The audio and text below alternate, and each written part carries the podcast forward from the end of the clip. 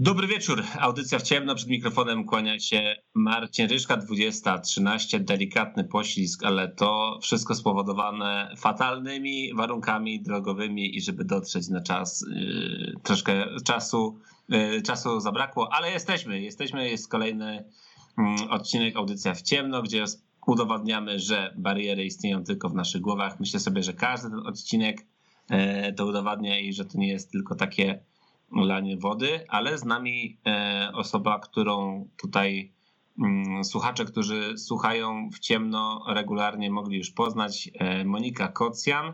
E, cześć Monika, witam cię serdecznie. Dobry wieczór, cześć. Właśnie zastanawiam się, nie tak pewnie z dwa lata już pewnie minęło, co? Jak, jak u nas, no, u nas trzy, byłaś? Prawie, tak się prawie trzy. Prawie Sprawdzałaś, trzy, tak? Dokładnie. Tak, sprawdzałam. Sprawdzać, okej. Okay. No, czyli, czyli, czyli lata to spory okres czasu, więc na pewno tych rzeczy się pojawiło sporo, o których sobie możemy porozmawiać, a pewnie siłą rzeczy niektóre wątki sobie e, poruszymy na nowo. E, Monika, teraz zakończyły się niedawno Mistrzostwa Świata mm, osób niepełnosprawnych w narciarstwie. E, ty przywiozłaś do Polski dwa złote medale w para snowboardzie. Na początku E, ogromne, ogromne gratulacje, ale sama troszkę tak powiedziałaś, że e, te medale pewnie nie smakują aż tak, jakby mogły smakować, bo ta sytuacja mocno covidowa e, powodowała, że, tych, że duże były też obostrzenia i dużo tych reprezentacji jednak, jednak nie dotarło. No i przede wszystkim pewnie to jest taki też duży ból, że y, nie będziemy cię mogli oglądać na Igrzyskach Paralimpijskich w Pekinie, które już za kilka dni, znaczy no za kilka dni, za kilkanaście dni e, się będą odbywać właśnie w Chinach. Tak, no tak jak rozmawialiśmy przed y, audycją, y, cieszę się bardzo, bo tytuł jest tytułem i zawsze fajnie zostać mistrzem, mistrzynią świata. E, natomiast faktycznie i sytuacja związana z pandemią, i sytuacja związana z tym, że akurat e, moja kategoria nie jest na paraolimpiadzie i dziewczyn uprawiających sporty ekstremalne jest e, dość wąskie grono, no spowodowała, że jednak niektóre teamy wycofały się z uczestnictwa mm, w Mistrzostwach Świata. Bardzo szkoda. No wiadomo, Chińczyków nie było w zasadzie w żadnej kategorii, nikogo z Chin. E, przygotowują się u siebie na, na swoją olimpiadę i paraolimpiadę, więc to zawsze będzie na pewno e, wybuch nowych e, zawodników i takich czarnych koni.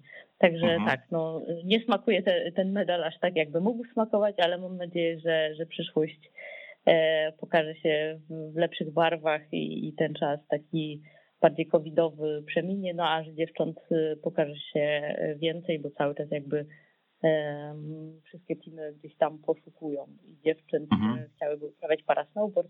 Jeżeli ktoś u nas chciałby uprawiać parasnowboard, to też zachęcam do, e, do kontaktu. A w Polsce jesteś jedyną osobą, która to uprawia, czy są jeszcze jakieś dziewczyny, które gdzieś tam próbują swoich sił i próbują coś w tym, w tym, w tym temacie zrobić, żeby, żeby móc e, no, ścigać się tutaj z najlepszymi na świecie? Mhm. E, wiesz co, no jest niewielu zawodników tak naprawdę w Polsce. Z dziewczyn aktualnie jeżdżących jestem ja i jedna nowa dziewczyna, ale ona jest z, z kategorii z dysfunkcji kończyn e, dolnych i też w tym sezonie ma pierwszy sezon bardzo fajny, tak mi się wydaje. Natomiast no, tych dziewcząt jest mało. Na Mistrzostwach Polski chociażby pojawia się nas y, trójka, tak? No chłopaków też niewielu, też trójka, także obojętne jaka płeć, to ja zachęcam gorąco do, do uprawiania parasnowboardu. Nawet dla typowej takiej swojej zajawki, bo to jest super sport i super atmosfera. No właśnie, bo to tak e, nie od razu trzeba się decydować na mm, jakieś starty i e, trenowanie wyczynowe, bo ty też tak dosyć przypadkowo trafiłaś do tego sportu, bo ty po prostu jeździłaś sobie sama dla siebie potrafiłaś jeździć i co, i pojechałaś pierwszy raz na zawody i wtedy tak zażarło, że tak powiem pospolicie? No wiesz, to była śmieszna sytuacja, y, bo tak naprawdę jeździłam sobie na snowboardzie, uprawiając snowboarding, tak?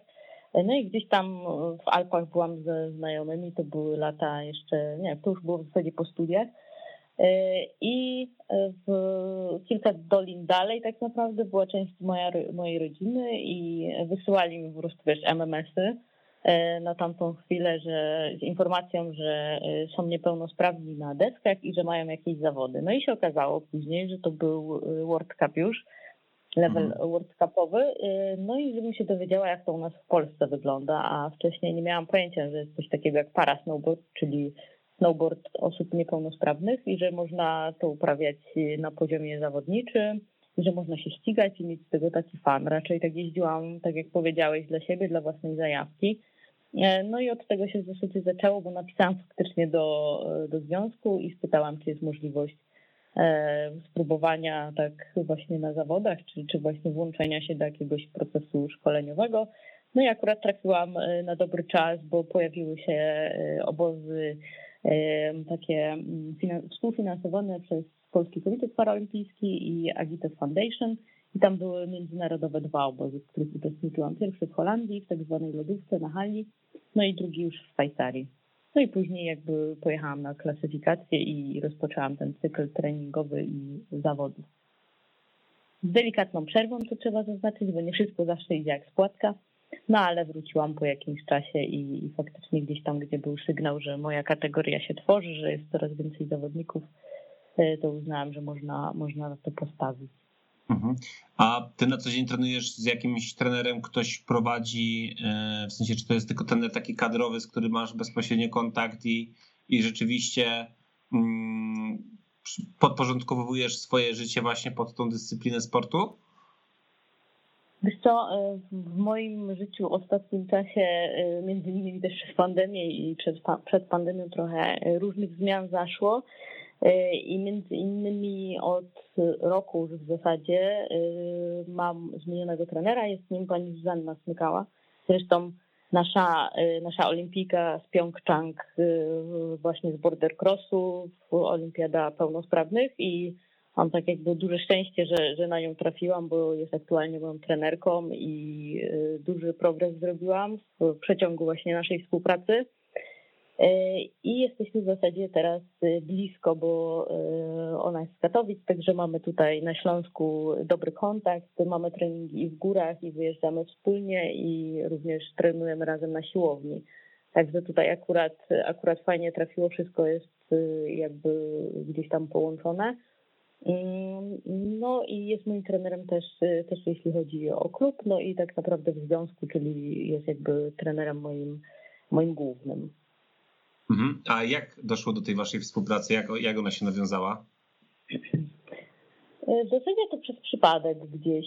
Gdzieś tam się spotkałyśmy na zawodach amatorskich w zeszłym roku i mm, ja miałam taką sytuację, że też zastanawiałam się, czy jechać na jedne zawody, czy nie jechać. Do Włoch. W zeszłym roku byłam tylko i wyłącznie na jednych zawodach ze względu na pandemię, wszystko mieliśmy odwoływane. Później jakiś tam zbieg okoliczności trafił, że nie pojechałam na y, zawody do Finlandii. No i później już wiosna i zawody we Włoszech. I spotkałyśmy się na tych amatorskich zawodach. No i w zasadzie mm, rozmawiając na, na krzesełku gdzieś tam e, się zgadałyśmy, że e, Zuzka tak naprawdę już nie jeździ zawodniczo, przeszła na emeryturę i gdybym chciała jakieś tam podpowiedzi od niej, czy e, chciała wspólnie pojeździć, e, no to ona jest otwarta i chętna. No i ja w tym momencie tak na nią, wiesz, duże oczy, że, że może faktycznie, e, jeżeli ona by się zgodziła, to może byłaby szansa, żeby ze mną pojechała na te zawody. No i tak rozpoczęłyśmy właściwie współpracę w zeszłym roku. Mhm. W ogóle to jest e, coraz bardziej powszechne, że e, osoby ze sportu, osób pełnosprawnych trafiają do nas, tak? Bo choćby Ewelina Marcisz, która gdzieś odgrywa Tak. też bardzo mocną rolę w tym, w tym Czy sporcie, Michał jeżeli Kuszak. chodzi. Mhm. Mhm, mhm. To, Mhm. to, to, to też jakoś was dopinguje, że e, wiesz, że jesteście zauważani przez, przez takie osoby, no bo to też jest na pewno miłe i sympatyczne i, i dla sportowca takie też pewne, pewnego rodzaju docenienie, tak, że, że jesteście zauważalni, że te osoby chcą do tego sportu e, trafiać. No tak, e, w snowboardzie w ogóle fajne jest to, że powiedzmy, że w ciągu roku jest jakiś tam cykl zawodów, dwa, trzy razy możemy się faktycznie spotkać wszyscy na jakichś zawodach amatorskich e, z kategorią pro, tak? Czyli są e, zawodnicy, którzy też jeździli zawodowo i to jest też fajne, bo nawiązujemy takie kontakty i relacje i jakoś się tam znamy, wzajemnie się dopingujemy i, i oni też w, w taki miły sposób e, na nas patrzą i podpowiadają, tak? No tutaj, tak jak mówisz, ta profesjonalizacja e, sportu trochę też jest związana z tym właśnie, że wchodzą do niego osoby, które zawodowo coś robiły, tak? To nie są osoby gdzieś tam z przypadku, to nie są osoby, które nie znają się na procesie treningowym i tak dalej. To, to są już faktycznie osoby, które potrafią pokazać, jak coś robić, tak? I jakby nie boją się pewnych rzeczy. I to jest naprawdę super czerpać z doświadczenia takich zawodników. Często są to osoby dodatkowe, czy czy tacy asystenci trenerów, czy trenerzy główni już teraz coraz częściej, także to, to naprawdę jest fajna sprawa. E, ja przypomnę, że z nami jest Monika Kocjan, e, dwukrotna złota medalistka e, zakończonych niedawno Mistrzostw Świata w parasnowboardzie i o tej twojej niepełnosprawności chciałem troszkę porozmawiać, bo to jest niepełnosprawność kończyny górnej. Chodzi tutaj o brak przedramienia. Tak się urodziłaś. Ktoś może sobie zażartować, że co e, brak ręki ma wspólnego z jazdą na snowboardzie. I tutaj wydaje mi się, że ty to mhm. pewnie najlepiej tłumaczy, wytłumaczysz, bo choćby kiedyś rozmawiając z Natalią Partyką, czyli z naszą legendą, można powiedzieć, sportu osób niepełnosprawnych i, i też osoba, która mimo swojej niepełnosprawności mm, rywalizuje na poziomie e, jakby międzynarodowym z osobami pełnosprawnymi, że to choćby, nie wiem, e, poczucie równowagi i tak dalej, to jest wszystko związane, ale tobie tutaj oddam głos, żebyś tu mogła jak najlepiej wytłumaczyć e, osobom, które nas słuchają, że, że ta kończyna choćby na parasnowboardzie jest bardzo potrzebna, a, a ty jej nie masz, musisz sobie bez niej radzić. Tak, no generalnie dobrze powiedziałeś, że to taki żarcik, bo to faktycznie zawsze w formie E, żartu obracam, jeśli ktoś pyta i mówi, że w czymś to przeszkadza, tak naprawdę w niczym. E, no i tak naprawdę od początku uprawiania e, sportu takiego jak jest snowboard, tak, gdzieś tam brak każdej kończyny nie jest, że tak powiem, wybaczany przez tą dyscyplinę, no bo jednak faktycznie tutaj ta symetryczność, symetryczność ciała jest ważna. No chociażby y, takie może głupie przykłady z jazdy początkującego snowboardisty, tak? No jak wstawać bez, bez jednej ręki, czy jak się podnosić tam gdzieś, jak w ogóle wstawać z krzesełka, tak? Gdzie nie masz akurat y, tylnej ręki, a gdzieś tam wyciąg cię pcha, jak się trzymać orczyka. To są takie niby drobnostki, ale które mogą wpłynąć na to, że ktoś powie, nie, to nie jest dla mnie, bo nie daje rady na samym początku, tak? No i później sama taka y, jazda już y, powiedzmy codzienna, może dla takiego niedzielnego snowboardzisty nie będzie jakąś tam wielką różnicą, ale tak naprawdę y, taka jazda wyczynowa, sportowa, gdzie nie masz, nie masz jednej kończyny czy nogi, czy, czy ręki, jest dużą różnicą. I jeżeli chodzi akurat o ręce, no to tyle są bardzo ważne, że mm, na zawodach mamy, mamy konkurencje czasowe, tak? Czyli wychodzimy z bramy i jedziemy czasowo albo się ścigając, albo po prostu później y, porównując czasy. Y, no i wychodząc z bramki w snowboardzie nie mamy kijków, y, czy nie mamy kulonartek, żeby się odpychać, tylko musimy wyjść z bramki tak zwanej, tak? Więc to, z tej bramki wychodzimy za pomocą rąk, więc tyle ile fabryka dała, każdy się stara, żeby wyjść dobrze. A e, w snowboardzie jest tak, że e, nie jedziesz dwie, no, nie, nie jeździ się dwoma nogami e, w przodzie, tylko oczywiście masz ustawienie boczne tak naprawdę, więc nie ma tej symetryczności. No i tyle, ile masz siły w rękach, no to na tyle, na tyle cię stać na przykład w sekcji startowej, czy na tyle, na tyle możesz sobie pozwolić mocno się wypchnąć w bramce z banket slalomu. Więc jakby już na samym starcie te osoby trochę tracą, trzeba, e, trzeba przyznać. Natomiast później w takiej czystej jeździe to też jest bardzo ważne e, ułożenie symetryczne, tak? E, więc dużo robi się barkami i rękami, czego taki może przeciętny widz nie zobaczy, ale no, to zachowanie tej równowagi i balans, przekładanie właśnie tego parku, czy, czy ułożenie ręki prowadzącej, E, czy ręki tylniej ma bardzo duże znaczenie, bo delikatne zachwiania mogą się skończyć upadkami, a upadki przy 50 czy tam 60, 70 km na godzinę, no to jednak mogą się skończyć dużą e, kontuzją, no i można sobie po prostu zrobić e, krzywdę. No i wystarczy obejrzeć sobie zawody pełnosprawnych zawodników i zaobserwować, co oni tak naprawdę robią z rękami. tam nie ma przypadkowych ruchów i gestów. Każda szarpanina łączy się z jakimś tam brakiem równowagi. Jeżeli tej ręki nie ma, mm, czy na przykład są zawodnicy, którzy nie mają obu rąk, no to muszą nadrabiać całym, y, całym ciałem, od, począwszy od głowy po y, czubki, czubki palcy u nogach, u nóg. Także, także tutaj akurat to jest dość, dość szeroki, moglibyśmy jeszcze o tym rozmawiać, ale wydaje mi się, że najlepiej, najlepiej to porówna się, gdzie zawodnicy, którzy mają dysfunkcję kończyn dolnych w grupie LL2, Y, mają lepsze czasy od, często od, y, od zawodników w grupie upper. Więc to jakby poziom wytrenowania już na takim poziomie wydaje mi się, że powinien być taki sam, a jednak y, no, mają lepsze czasy, więc to jest jakby też gdzieś tam takie do zastanowienia się i do rozważenia, bo, bo wiadomo, te kategorie są po to, żeby, żeby nie było nierówności i niesprawiedliwości, ale jednak, jednak jak ktoś mi mówi, że przecież to nie szkodzi, że nie mam ręki, no to jednak, jednak jest to trochę takie, e, obraca, obracamy to w żarcie, tak, tak jak powiedziałeś. No tak, i chociażby w skokach, tak, e, hmm. gdzie e, w border crossie mamy skoki i wychodząc w powietrze często łapie się równowagę po prostu rękami, tak, gdzieś tam pozycją, no i później ratuje się człowiek czasami rękami.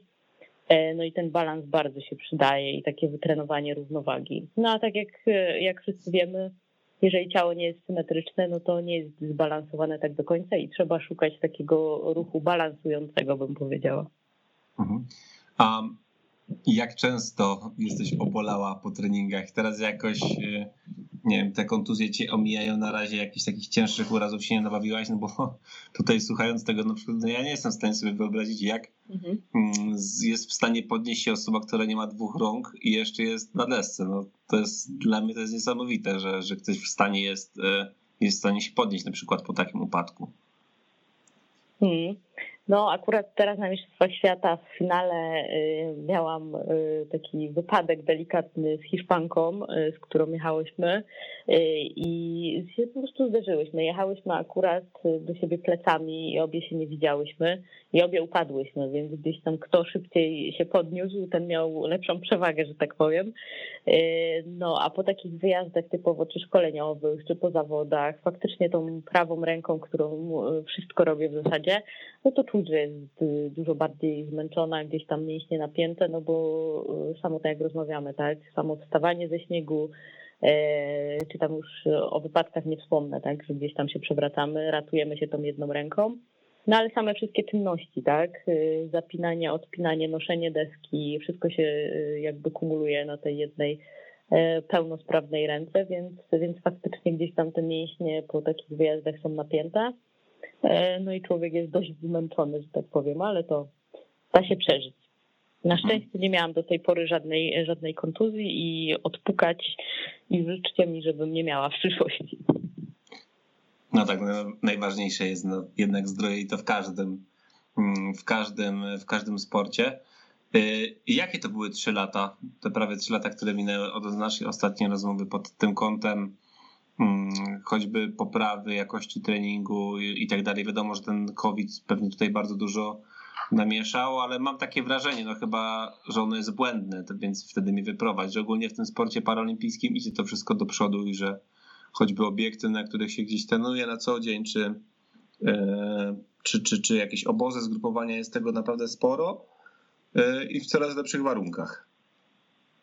Tak, tak, no zdecydowanie y, na poziomie międzynarodowym jest coraz więcej też miejsc, gdzie po prostu jesteśmy zapraszani jako sportowcy. Mm, dużo więcej miejsc chce organizować y, czy obozy. No z obozami to tak różnie bywa, ale dużo więcej opcji jest. Natomiast y, dużo więcej miejsc organizuje też zawody i, i gdzieś tam te propozycje są. No COVID akurat może nie jest teraz najlepszym, najlepszą opcją, żeby, żeby zwiedzać i e, jeździć i e, mieć fajne obozy w dalekich, odległych miejscach. E, natomiast ten poziom faktycznie wydaje mi się, że rośnie i widać po zawodnikach, też, też poziom jakby wytrenowania rośnie i widać również po torach, tak, bo te tory się nie zmniejszają, wręcz przeciwnie. Zawodnicy, którzy byli od początku, powiedzmy na początku jakby para snowboardu, bo para snowboard jest dość młodą dyscypliną. Soczi pojawił się pierwszy raz, no to widać, jeśli obejrzysz sobie na przykład paraolimpiadę w Soczi, a później porównasz sobie tor w Pjongczangu, czy teraz z tymi zawodami, które mamy, to widać, że ten poziom faktycznie rośnie. Także zawodnicy nowi mają troszkę gorzej, bo oni jakby nie są przygotowani na tak duże tory. E, natomiast e, fajnie, że można, e, można właśnie trenować już w takich bardzo profesjonalnych warunkach i torach. Ja cały czas przypomnę, że osoby, które dopiero może teraz włączyły radio, weszło FM, słuchają naszej audycji, że z nami jest Monika Kocjan, która wróciła kilka dni temu z Willehammer, gdzie zakończyły się Mistrzostwa Świata w narciarstwie osób niepełnosprawnych. Monika na swoim koncie ma dwa złote medale, ale na Igrzyska do Pekinu nie poleci jednak. E, ta konkurencja, w której możemy Monikę śledzić, nie jest dyscypliną olimpijską. No i właśnie, duża pretensja i taki żal w tobie jest, że, że do tego Pekinu nie polecisz, że nie będziesz mogła sobie wpisać do swojego CV no na początku uczestnictwa, ale, ale pewnie gdzieś tam walki, walki o, o medale, bo to pewnie byłaby fajna, fajna przygoda i wielki, wielkie przeżycie dla ciebie. Tak, ze względu na przygodę i właśnie takie przeżycie sportowe, to na pewno gdzieś tam y, troszeczkę jest mi żal. No ale widocznie musiało się tak wydarzyć, żeby, żeby inne sprawy gdzieś tam sobie poukładać i tak do tego teraz podchodzę w tym momencie, e, bo dużo zmian jakby było, o których e, mówiłam i wydaje mi się, że też były, e, były potrzebne jak dla mnie, żebym też dostrzegła, co jest jakby ważne w tym, w tym byciu sportowcem. Natomiast mam nadzieję również, że, że kolejna paralimpiada gdzieś tam może, może jeszcze się uda rozegrać w naszej kategorii być może dotrwam do niej, zobaczymy, bo jak to życie jest przewrotne, nie można się niczego e, na 100% y, spodziewać. Mm, I mam nadzieję, że ta nasza kategoria dziewcząt i inne kategorie dziewczęce e, będą tylko i wyłącznie rosnąć, że będą e, faktycznie pojawiać się nowe dziewczyny, które chcą uprawiać para snowboard. No jest to sport ekstremalny, tak jak mówiliśmy, więc jakby osób niepełnosprawnych uprawiających sport ekstremalny nie jest zbyt wiele, a dziewcząt y, tym bardziej, tak? Nawet mhm. dziewcząt pełnosprawnych nie jest tak dużo, więc, y, więc zachęcam, bo jest to fajna przygoda. Zresztą każdy sport dla osób niepełnosprawnych to jest super przygoda, super rozwój i już nie mówię o rehabilitacji, bo, bo to by było, bo to już też jest temat rzeka, czy traktować sport jako rehabilitację, czy nie, ale przede wszystkim jest to, jest to super zabawa. Mhm. Czy na początku pewnie wszystko jest jakąś formą rehabilitacji, ale jeżeli już tutaj mówimy o poziomie międzynarodowym, to tutaj myślę, że wielu sportowców, którzy już tutaj było, pokazują, że że nie ma mowy tutaj o, o tym, że, że, że coś jest e, jakąś pewnego rodzaju rehabilitacją. Ale mm, chciałem Cię zapytać, co się dzieje w tym kierunku, żeby, żebyście byli dopuszczeni do, e, do startów na Igrzyskach Paralimpijskich? Czy są jakieś tam rozmowy z Międzynarodowym Komitetem Paraolimpijskim? E, czy Wy jako zawodnicy też czynicie jakieś starania, żeby, żeby się Wasza mm, konkurencja i Wasza dyscyplina pojawiła na, na, na Paralimpiadzie? Tak, jasne. No jestem w grupie zawodników najbardziej zainteresowanych tym tematem, nie ukrywajmy, i, i najbardziej jakby tutaj, y, no zresztą y, dziewczyn y, chcemy, żeby, żeby dziewczyn było coraz więcej, więc tutaj nawzajem się wspieramy i gdzieś tam cały czas prowadzimy dyskusje. No ale tak naprawdę nie tylko dziewczynom na tym zależy, tak, bo tutaj zawodnicy z kategorii męskich też za nami stanęli, że uważają, że to jest również dyskryminacja dla nas ze względu na to, że y, nie wszystkie kategorie zostały dopuszczone y, w grupach kobiecych, a wszystkie męskie są dopuszczone i wiele osób widzi, że jest to troszeczkę niesprawiedliwe i nie fair. Mm, no bo niestety, jeżeli, y, jeżeli nie będzie tej kategorii w dalszym ciągu na paralimpiadzie, no to tak jakby jest koło zamknięte, tak? Nikt nie będzie chciał szukać tych zawodników, no bo też po co? Dla najważniejszej Y, imprezy y, będą woleli, dla najważniejszej imprezy sportowej będą woleli po prostu inwestować czas i pieniądze w innych zawodników. Natomiast do Włoch jest taka promesa, już jest zapis, że mają zostać utworzone wszystkie kategorie męskie oraz wszystkie kategorie kobiece. Więc tutaj teraz tak naprawdę będziemy mm, starać się pokazać y, nasze warunki, że tak powiem, wytrenowania i liczby państw, które są zainteresowane i które mają zawodników nie tylko sklasyfikowanych, ale faktycznie aktywnie jeżdżących. No tak, mhm. akurat olimpiada w Pekinie jest dość kontrowersyjna pod kątem właśnie grup czy, czy kategorii, które występują. No tak jak powiedziałam, występują mm, trzy e, kategorie męskie w parasnowboardzie. E, no i niestety jedna kobieca, czyli dwie kategorie zostały e, wyrzucone. Mm, dziewczyny z jednej kategorii z dysfunkcją kończyn dolnych zostały tak naprawdę w ostatnim tygodniu przez też różne decyzje połączone i z dysfunkcją taką gorszą, tak? Bo na przykład wyobraź sobie, że dziewczyny bez kolana będą startować z dziewczynami, które mają kolano, tak? A amputacje mhm. mają troszeczkę niżej, nie? Więc jakby tutaj y, posiadanie kolana albo nieposiadanie kolana to jest jedna z takich y, większych różnic w tych kategoriach i to można sobie tylko wyobrazić, jak się jeździ bez kolana, tak? Mhm. Więc tutaj te kategorie zostały połączone y, i to w ostatnim czasie właśnie. Y, także tutaj jakby też obserwuję bardzo bacznie te decyzje. No i tak jak wspominałam, będę y, bacznie obserwować to, co będzie się dziać na Paralimpiadzie, bo, bo dziewczyny z tej gorszej teoretycznie kategorii są y, super y, snowboardistkami i bardzo dobrze na wysokim poziomie i są bardzo dobrze wytrenowane. Więc myślę, że tutaj pozycje medalowe też mogą, mm, mogą przejąć po prostu w tej kategorii lżejszych dysfunkcji, mimo tego, że startują jakby z gorszą dysfunkcją. Mhm. A czego my się możemy spodziewać w Pekinie, jeżeli chodzi o nasze starty naszych paralimpijczyków? Jaka atmosfera w kadrze? Bo wiemy, że w Pjongczangu jedyny medal dla nas zdobył Igor Sikorski, mhm. który też zameldował się na podium teraz Willehammer. E, mhm. Jak ty byś, jakbyś miała sobie postawić u Buka jakąś kasę, to, to co byś postawiła? w ogóle chciałabym powiedzieć, że teraz te zawody Willehammer były o tyle super, że były łączone, tak? Czyli był, te, był parasnowboard, było narciarstwo zjazdowe i były biegi e, biatlon, tak? Więc mhm. E, super, bo mogliśmy się nawzajem zobaczyć na stokach podczas zawodów takich międzynarodowych, więc pierwszy raz na przykład miałam okazję oglądać biatlon również dla osób niewidomych i widziałam, jak osoby niewidome strzelają. To było też super, super jakby dla mnie do obejrzenia. No, no Marcin. Nie baś, nie baś się, że, że się bije no. trochę starczą i będzie strzelał do publiczności. Akurat tego się nie bałam. Bo tak, jakby broń, broń jest na właśnie laserowa, także spokojnie, bez nerwów. E, natomiast fajnie było to zobaczyć, bo tam, gdzie, gdzie jest właśnie strzelanie. Zawodnicy niewidomni mieli słuchawki, które zakładali na uszy i mieli taki dźwięk.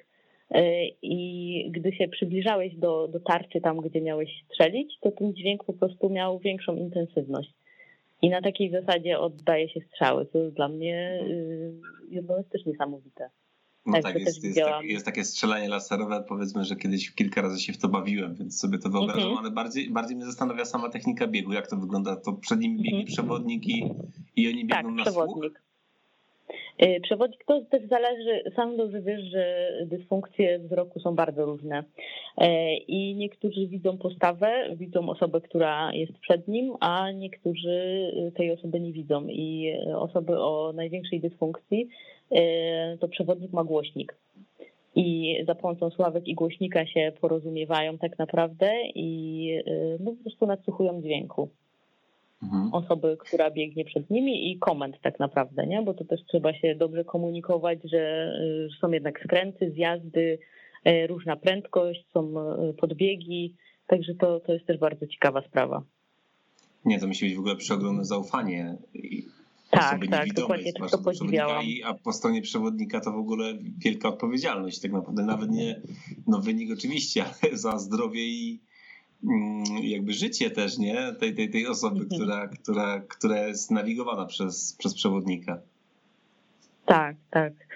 No, y, jest kilka osób właśnie u nas w kadrze z dysfunkcją y, wzroku y, i widziałam właśnie też starty naszych Polaków, dopingowałam gorąco. No a jeśli chodzi o biatlon i biegi, no to jest kilku zawodników, którzy chyba chyba mają też szansę na, na gdzieś tam podium olimpijskie, między innymi Witek Skupień, który również na Mistrzostwach Świata zdobył srebro. E, I no, Igor Sikorski to bardzo bym mu życzyła, żeby kolejny medal zdobył na olimpiadzie, bo faktycznie e, widać te treningi po nim i faktycznie taki e, duch sportowy. Zresztą Andrzej Szczęsny również jedzie na paraolimpiadę, nasz Alpejczyk. Już w zasadzie kończy karierę. Więc tutaj y, fajnie, gdyby był takim czarnym koniem i zdobył Andrzej medal. Już raz, y, Andrzej już raz kończył karierę. Już raz kończył, nie ma, wiem. nie ma tutaj co stawiać jeszcze krzyżyka na Andrzeju.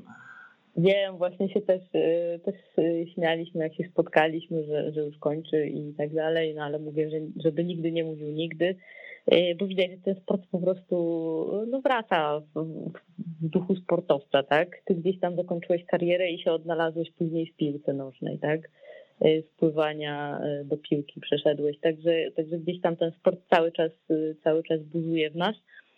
No ale to, to nie zmienia faktu, że bardzo bym mu życzyła również medalu i będę za wszystkich w zasadzie naszych sportowców trzymać mojego kciuka jednego i, i będę bacznie obserwować, co tam się dzieje. No ale myślę, że, że chłopaki tutaj na Mistrzostwach Świata też pokazali, mm, że są, są na wysokim poziomie, pomimo tego, że gdzieś tam no było też duże zmęczenie, bo tych, e, tych startów naprawdę mieli dużo. Monika Kocjan jest z nami, ja tutaj cały czas będę mm, przypominał, bo odzywacie się do mnie tutaj na Twitterze i pytacie się, e, czyj to taki miły głos e, w dzisiejszej audycji, więc mówię Monika Kocjan, także jeżeli już skończysz karierę, to poszukaj sobie pracy też może właśnie gdzieś ze swoim głosem w takim razie.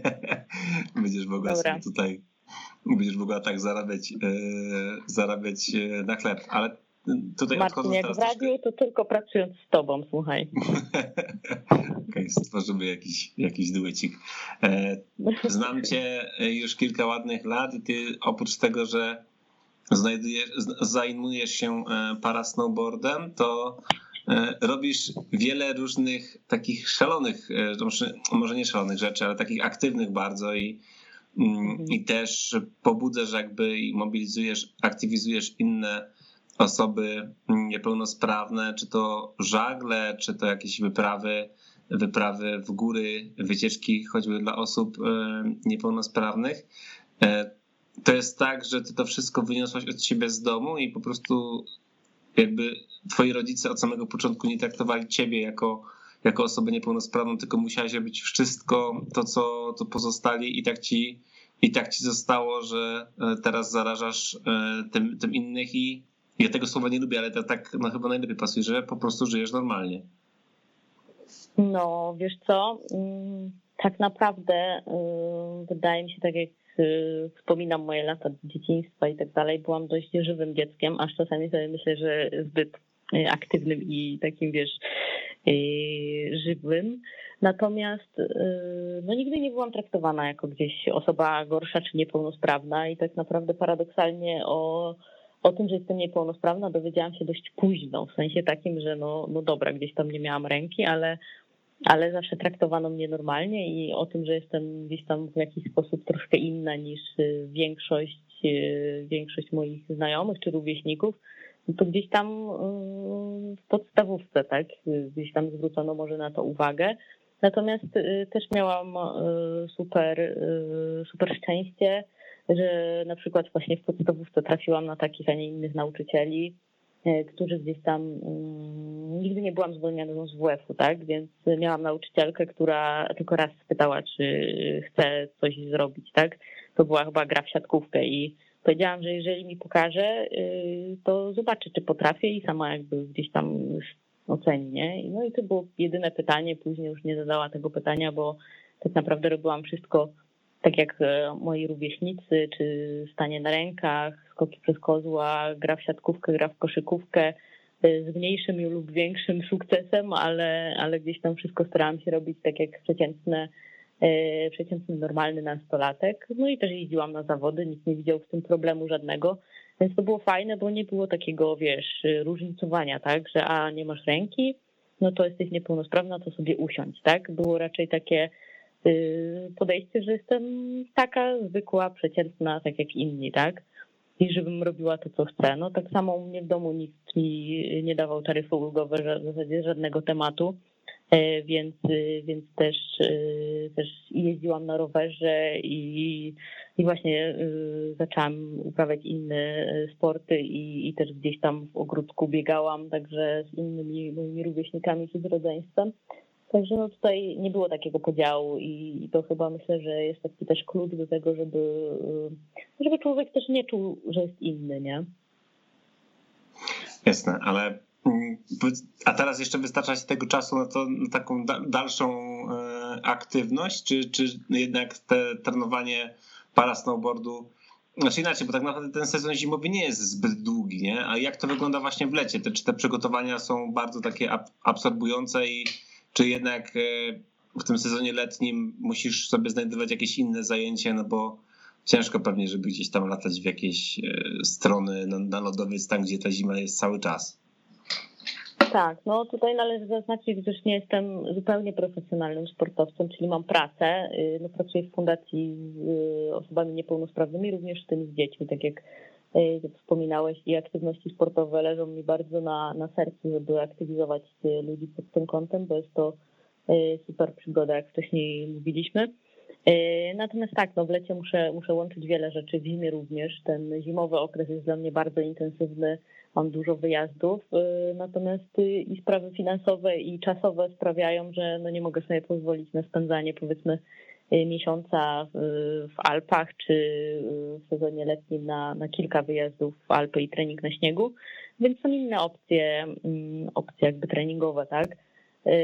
Gdzieś tam sporty, które, które uprawiam, deskowe, czy, czy jazda na deskorolce, na longboardzie, czy rozpoczęłam też taką naukę kitesurfingu, naukę, bo już robię to kilka lat, ale dalej się uczę, bo trochę mi y, bez, bez ręki jednak jest ciężko, ale, ale jest to super też, y, też zabawa i fan, y, jak robi się postępy w nowym sporcie i też, też dość ekstremalnym, więc tak, no tak sezon trzeba sobie trochę szyć, że tak powiem, no plus oczywiście siłownia i takie przygotowanie kondycyjne i motoryczne, także tych opcji treningowych, wiesz, jak ktoś chce, to znajdzie dużo.